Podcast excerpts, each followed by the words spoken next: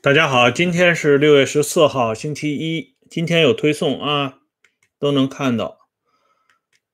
今天我们又开始恢复这个党史杂谈了。今天的杂谈呢，我们先来说两个小笑话啊。这是文化大革命当中呢，关于高层人物的两个笑话啊。今天呢过节了，说两个笑话呢，大家高高兴兴一下。这两个笑话是源自于朱德。和王洪文之间的这么两个段子，应该说呢，呃，都是从上层啊飘下来的，老百姓肯定编不出这样的段子。第一个段子呢是这样的：说有一天啊，这个王洪文啊踌躇满志啊，到了这个朱德那里去。啊，王洪文当了中共中央副主席嘛，很高兴，而朱德呢，只不过是普通的常委。呃，朱德呢看了王洪文一眼，然后用拐杖呢指了指天，又戳了戳地，没有吭气儿。那王洪文也不明白什么意思啊，他呢就去找邓小平啊，这老邓呢就告诉他：“这你还不明白吗？这就说你不知天高地厚啊。”还有一天呢，朱德又呃又见到王洪文了啊。这朱德呢，对王洪文挺不满意。这个时候啊，呃，朱德把自己这个饭桌上的鸡蛋啊拿了起来，让王洪文，你把这个鸡蛋给他立起来。这王洪文呢，怎么搞也立不起来这个鸡蛋，最后没招了啊，去找这个邓小平去了，说你看这个朱老总啊，让我把这鸡蛋立起来，嗯。邓小平说：“这个简单啊，很容易就办到了。”老邓呢就把这鸡蛋往这桌上一磕，磕破了嘛，鸡蛋就立住了。王洪文大惊失色啊，说：“怎么把鸡蛋打破了？”邓小平说：“不破不立，啊，这不就立住了吗？”啊，这是这么一个在文革当中的这么一个小段子啊。从这个小段子本身呢，就能看出当时上层。对王洪文这样的人物上来以后呢，是特别的不满意，嗯，而不满意呢，主要是来自于这个老干部群体。而事实上，我们看一下啊，比段子还厉害的地方是历史的真相，真相当中传递出来的信息远比这个段子要真实、要残酷啊。这里呢，我们还要举一下罗宇先生。当初留下的这个回忆，这个罗瑞卿那个时候刚刚被毛泽东给放出来，然后他去看望朱德，朱德康克清啊，很高兴又能与罗瑞卿再一次的见面了。然后朱德啊，脑子很清楚，身体不如以前了，可是说话呢还是那么有有力度。朱德说了这么一句话，他说：“你看现在，他就是指着罗瑞卿说啊，他说你看现在。”成什么样子？这么大的国家，就你一家子管了。这个你绝不是说罗瑞卿，这个你指的就是伟大领袖。这罗瑞卿一听就明白了，虽然关了几年，但是他也能听出来，罗瑞卿也不敢答应什么啊。朱德、罗瑞卿这两个四川老乡，最后一次聊天聊到伟大领袖，就是这么展开的。而这段事实呢？经罗宇先生之手呢，写到他的回忆录里边，我们就可以看到，实际上朱德说的话要比这两个段子狠得多啊！什么叫你一家子就管了？这个矛头所指非常清晰。那么当时呢，毛泽东实际上看的也很清楚，这些老家伙们肯定是不服管，不仅仅是朱德，周恩来也一样。但是毛呢，他没有办法越过这些人，他不仅没有办法越过这些人，他还要用这些人给王洪文抬轿子，所以他在第一时间里就把这个话呢透给了周恩来，让周恩来专门出来替王洪文站台。周呢也很卖力气啊，说实话呢，周恩来在这个党的第十次全国代表大会前后啊，说了很多这方面的话。啊，说的可以说是意味深长啊，啊，有些话呢讲的呃，已经是相当到位啊，不说苦口婆心也差不多。他对王洪文的扶植啊，咱们就举八月二十八号，一九七三年八月二十八号，周恩来在主席团会议上讲了这么一段话。他说：“主席以前给我们经常讲《红楼梦》和《西厢记》，他说大家看《西厢记》就知道，《西厢记》里的老夫人要让红娘去演戏，意思很清楚啊，老年人要交班，要青年人去干啊。我们这些人都是过渡的人，不要总是出台唱戏，要把机会，要把舞台留给更年轻的同志们。这周恩来话已经说到这份上了。”实际上就是说，咱们都得让位啊，把这位置呢让给王洪文他们来唱。这话呢说完之后啊，不说还好，说了以后反而起了这个反作用。像许世友这样的人呢，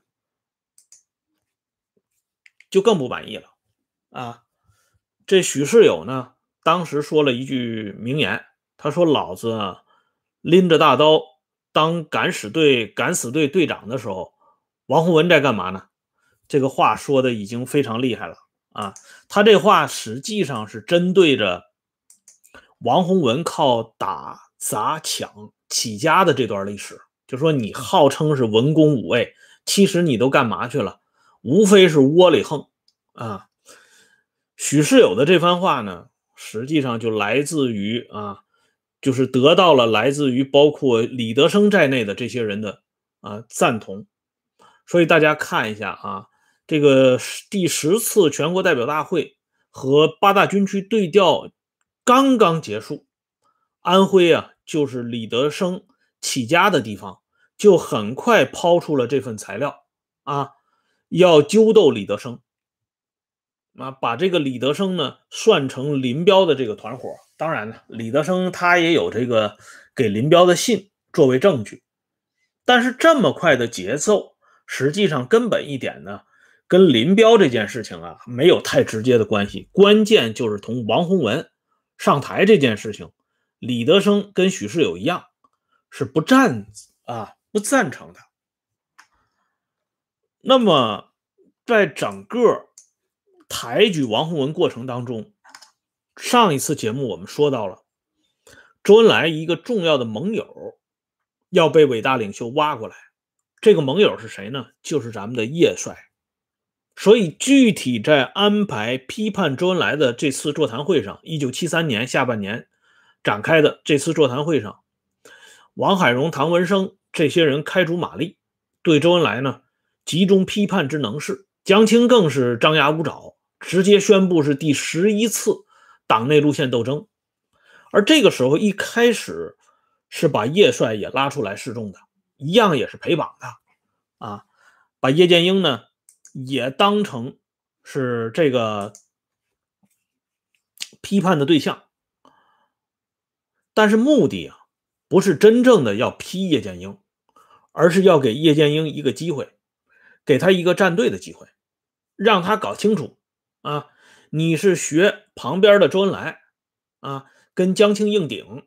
说什么右倾投降主义的帽子扣不到我周恩来的头上？你是想这么样，还是学你啊？主席台背后的那位马天水马老，迅速的站到革命的路线上边来？这是给你的最后一次选择啊！不要以为在平定林彪、陈伯达集团过程当中，叶帅立了汗马功劳，就可以躺在中共中央副主席的位置上睡大觉。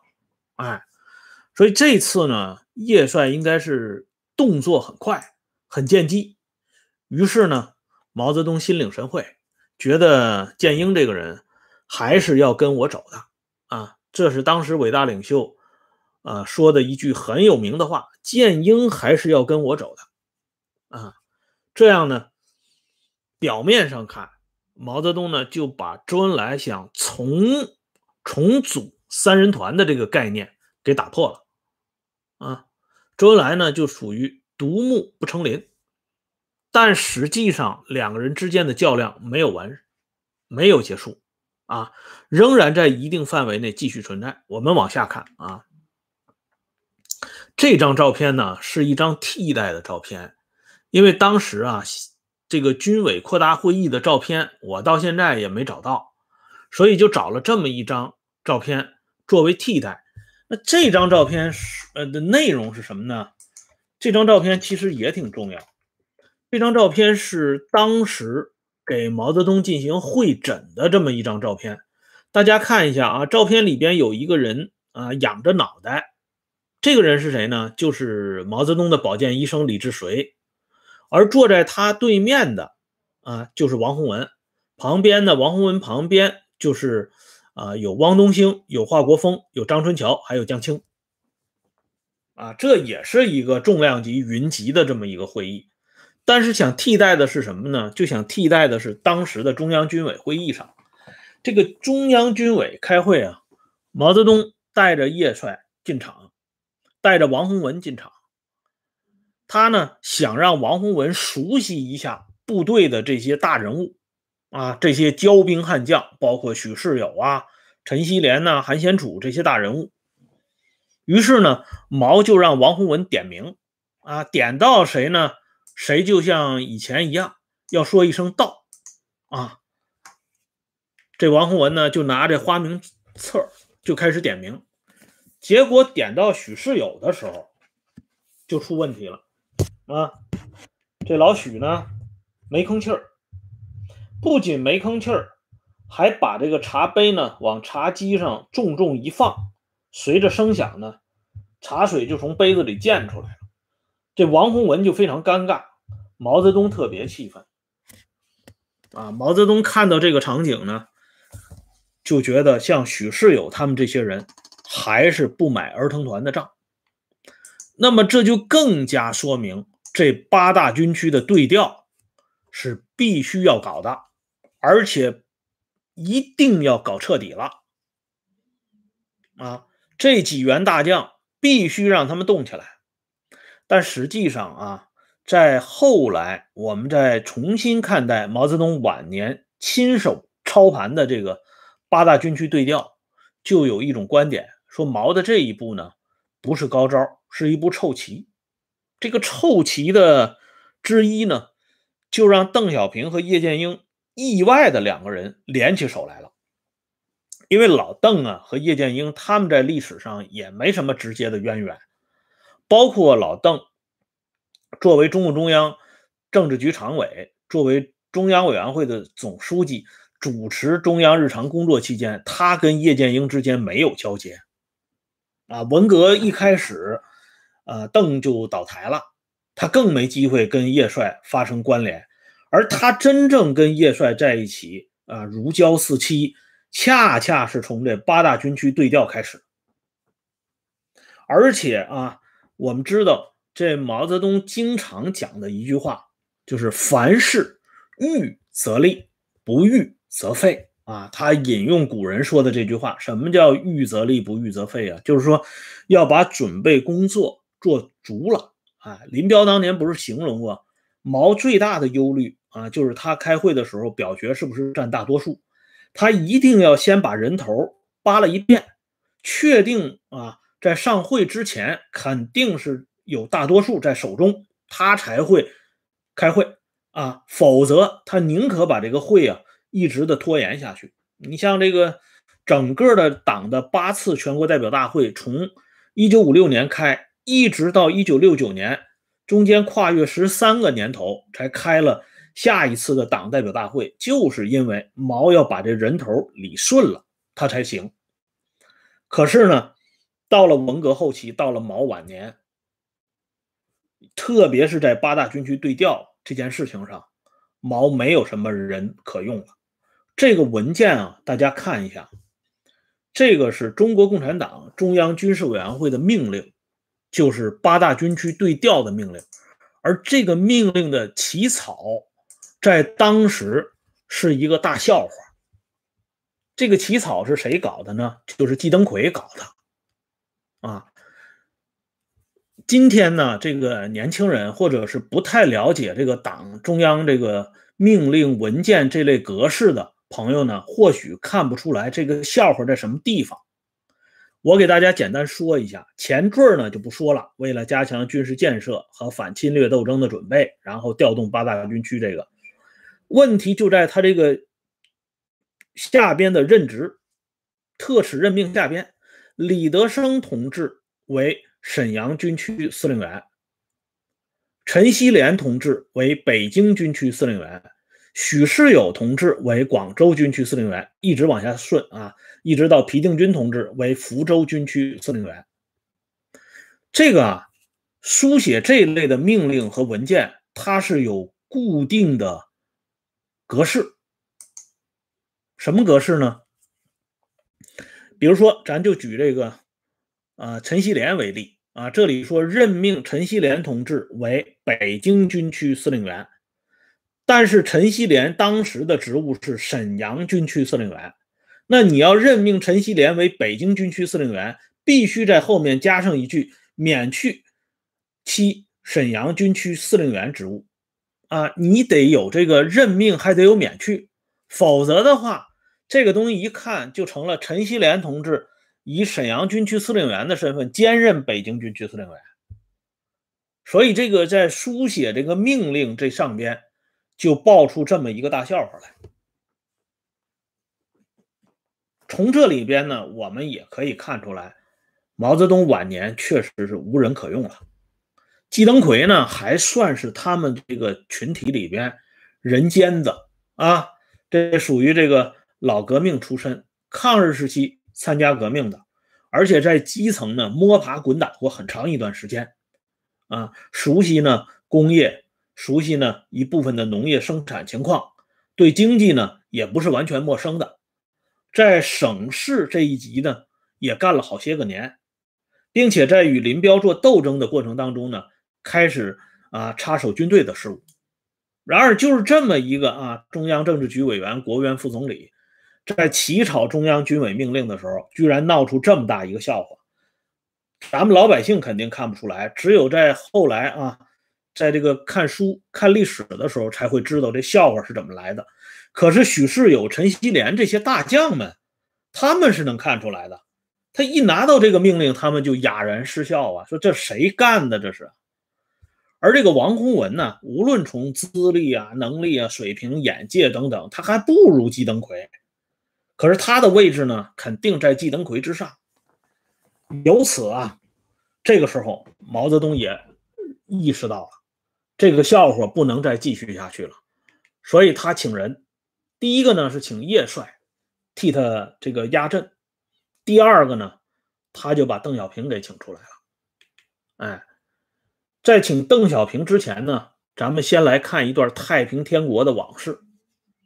咱们知道太平天国有一位天王洪秀全啊，这洪秀全呢，这是很有一套说法的啊。比如说，洪秀全自称是什么呢？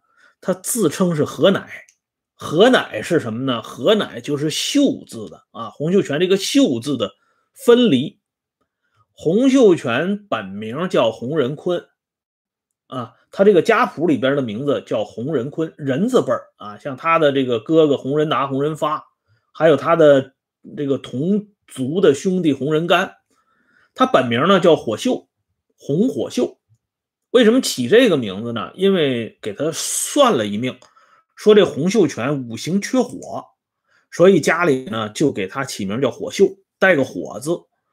这个名字呢就跟咱们这个 以前一位党和国家领导人耿彪有点类似。你看耿彪的那个名字里边啊，耿字就带一个火，那个彪呢是三个火。耿彪回忆录里边就讲，他说他小时候家里人给他算命，就是缺火，所以就起起了这个彪字，三个火啊。参加这个无产阶级太平天国革命运动之后呢，洪秀全发现不能再叫这个红火秀了，因为他的在天上的爸爸呢叫野火华啊，就翻译成汉语叫野火华。所以他这个火秀的火字跟这个爸爸野火华的火字他犯冲，就给自己改名叫洪秀全，保留秀，增加了一个全，这不是随便改的啊。这个全呢，上边一个人，底下一个王啊，人家就是要当人中之王啊。这个秀呢，因为与东汉的汉世主光武皇帝刘秀的名字是一样的，所以这个洪秀全认为自己呢，应该就跟刘秀差不多，朝为田舍郎，暮登天子堂啊。咱们老弟不也说了吗？何是何乃是人王嘛？哎，所以啊，洪秀全最看重的头衔是什么呢？师啊，军师的师，老师的师。他说过：“主由朕做，军师亦由朕做。”所以天津事变之后呢，啊，他自领第一军师。当时天朝没有军师了，杨秀清已经完蛋了。啊，韦昌辉也完蛋了。这两个军师，一个是左辅正军师，一个是后护右副军师，都没了。军师都由洪秀全一个人给包揽了。那么接下来呢，我们再来看这个装神弄鬼的杨秀清啊。这杨秀清呢，他也有一个重要的头衔他这头衔可厉害了，三师一主啊。第一个师何乃师，洪秀全不是何乃吗？杨秀清就是何乃师，就是何乃的师老师啊，或者是这个师傅啊，军师。